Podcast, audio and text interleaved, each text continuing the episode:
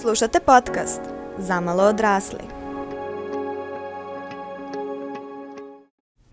Hello and welcome to the new episode of podcast Zamalo odrasli.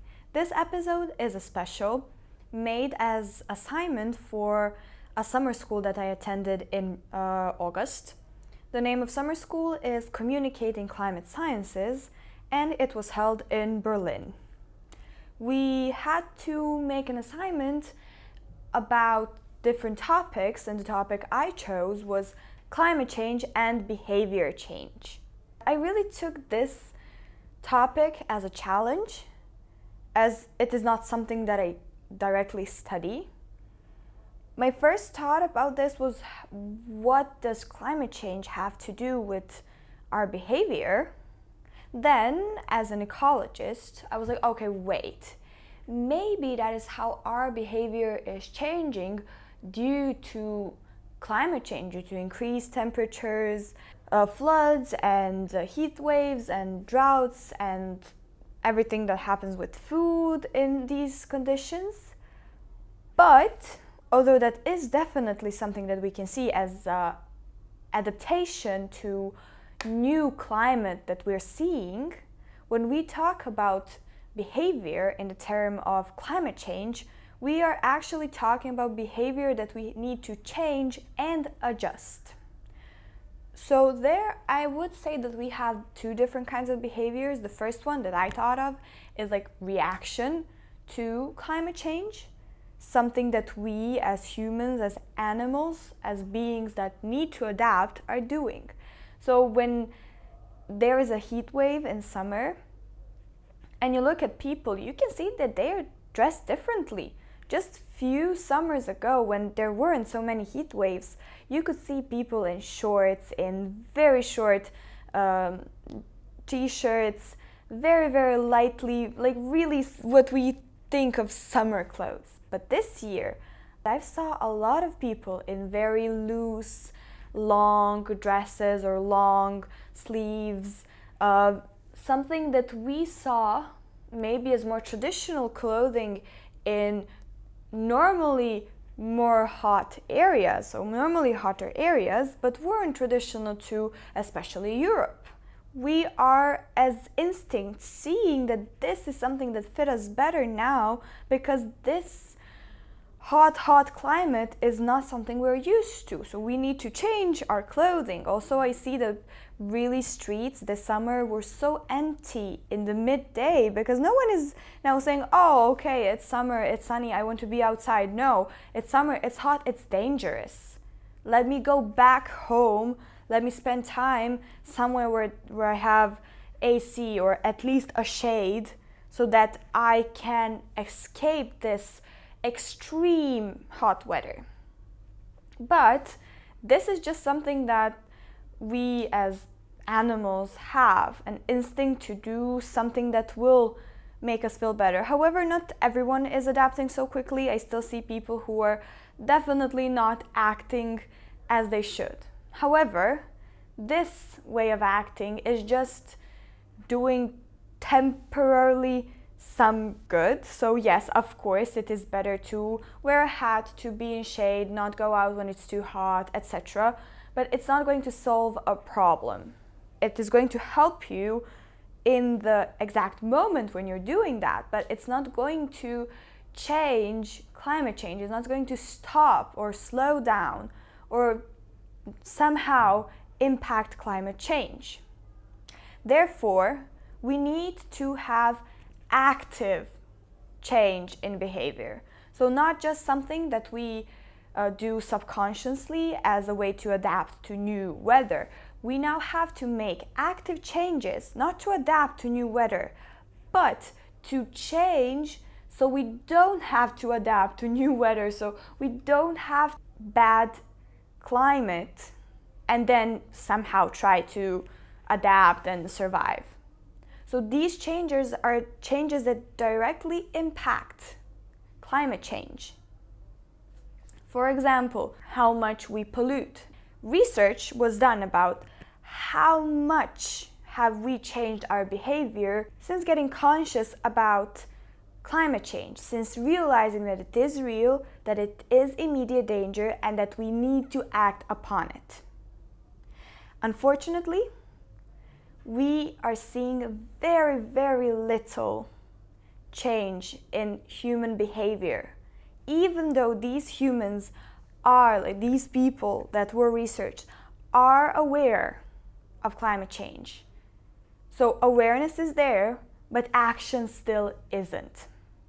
Actually, one of the researches I have read is done in Germany, where there is a lot actions actually taken. For example, the 9 euro ticket. It's also, of course, a reaction to current uh, geopolitical state in the world, but it's also directly benefiting our climate as less people were driving their cars and using trains and other public transportation. Still, even in Germany, we see very little action. And then we can imagine other places, how little they are acting up upon climate change. This is, of course, devastating as we need to act soon all the forecasts are now telling us that if we don't start lowering our CO2 emissions by 2025, there is no going back. So, all the plans, oh, until 2030, until 2050, are not good enough. They're not fast enough. Okay, that is maybe when we can get to zero emissions because it's very, very hard to immediately cut it to zero. But we cannot start then. We have to start now. So, what is the problem? Why aren't people, even those who are aware? Of course, there are people who deny, still deny it. There are people who don't deny it but don't think it's such a big deal. And it is very intuitive that these people are not acting differently to do something good for our climate. But what about people who are aware? why aren't they making changes? The biggest problem is we are creatures of behavior and creatures of habit. So, behavior changes we need to do, that we need to make, are actually changes in our habits. And we don't like changing our habits. That's something that goes against everything we've done. We have created these habits for a reason. But we now have to look at environmentally bad habits as bad habits in general. We have to look at them as something that we need to work on. Things that are stopping us, except from just psychological part where we find it really hard to change what we are used to, the ways we work. For example, if somebody is used to driving a car and having that luxury to drive a car to work, they may find it really hard to transition to riding a bike, especially if their city, for example, like mine, is not really good for bikes. It's not completely flat, it has a lot of hills, so up going up and down hills, and the streets are in a very bad condition. So, of course, there are people who ride bikes, but it's much harder than in another city in my country that is completely flat and there are good streets, wide streets where you can ride a bike. So it's not just a thing of convenience, sometimes it's a thing of are you able, do you have the right and necessary prerequisites to actually implement this change? So that is one of the problems. It's not just changing little things. We are very, very comfortable with these little things we do, so changing them is a huge change for us. What can we do about it? Well, I think that first of all, making small changes. First, make a list. Okay, what is something that I don't care too much about? And it isn't a big deal if I change it. If there is something like that, Put that as a priority when you're making a change.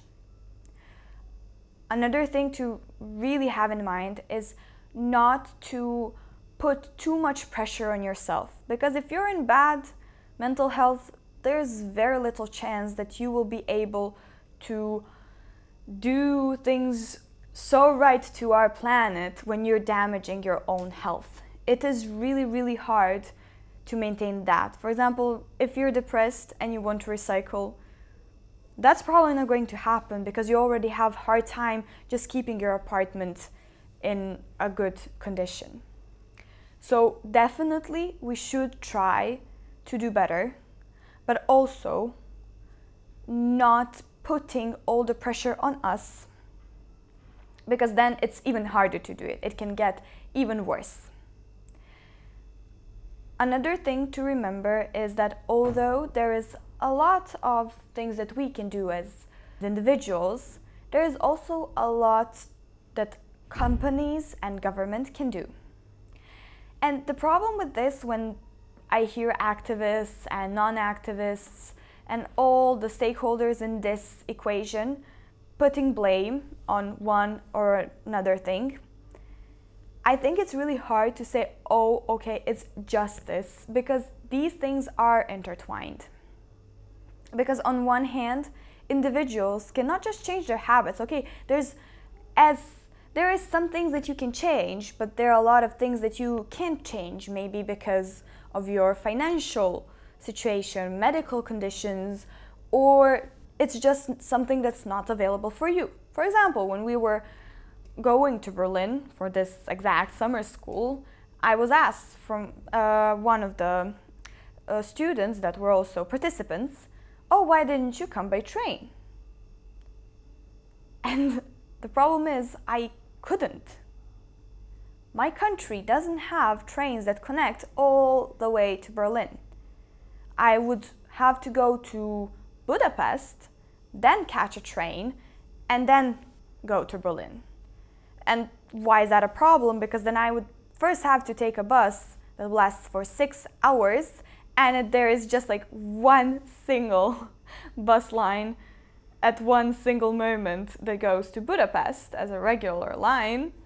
And if I don't catch that one, if that one isn't something that fits me, I could not, or I would have to spend time in Budapest and then try to catch a train, and it's really complicated. So I am not provided to travel inside my country with a train. I cannot choose that option because it's not an option. Therefore, I have to look for other alternatives. But also, what individuals can do is put pressure on their government and put pressure on the companies. Unfortunately, not every country can do can put pressure on government. There's so many things that are wrong and should be done differently in many developing countries unfortunately, the people don't have or have very little power over their government. So that might not be an option for you if you live in such a country. Putting pressure on companies is literally just using your money right. So if you don't support a company, if you don't support their ways, if you want them to change, then you can only show it to them with your money. This is easier said than done because, especially the biggest polluters, are owners of so many different companies. And it's really hard to trace back to see what they're doing and what they're not. And it's really hard to pull these strings. So, yes, theoretically, there are more ways that individuals can impact how others treat climate and different ways that they can impact climate change. However, in practice, it is much, much harder than it seems. But still, I think that we should try our best within our financial ability and our ability as human beings. So, not to forget, but every little effort can really be accumulated and we can do better because there is change, it is changing, and we have to make the demand for this change. Like a very little thing that we can see after so much talk about plastic straws, now you can see them less in cafes, or you can at least see bamboo or uh, paper straws. It is very, very little step, but it shows that yes, we can do things. We can change. We just really, really have to try hard. And if we don't try hard, who will? Thank you for listening and see you in another episode.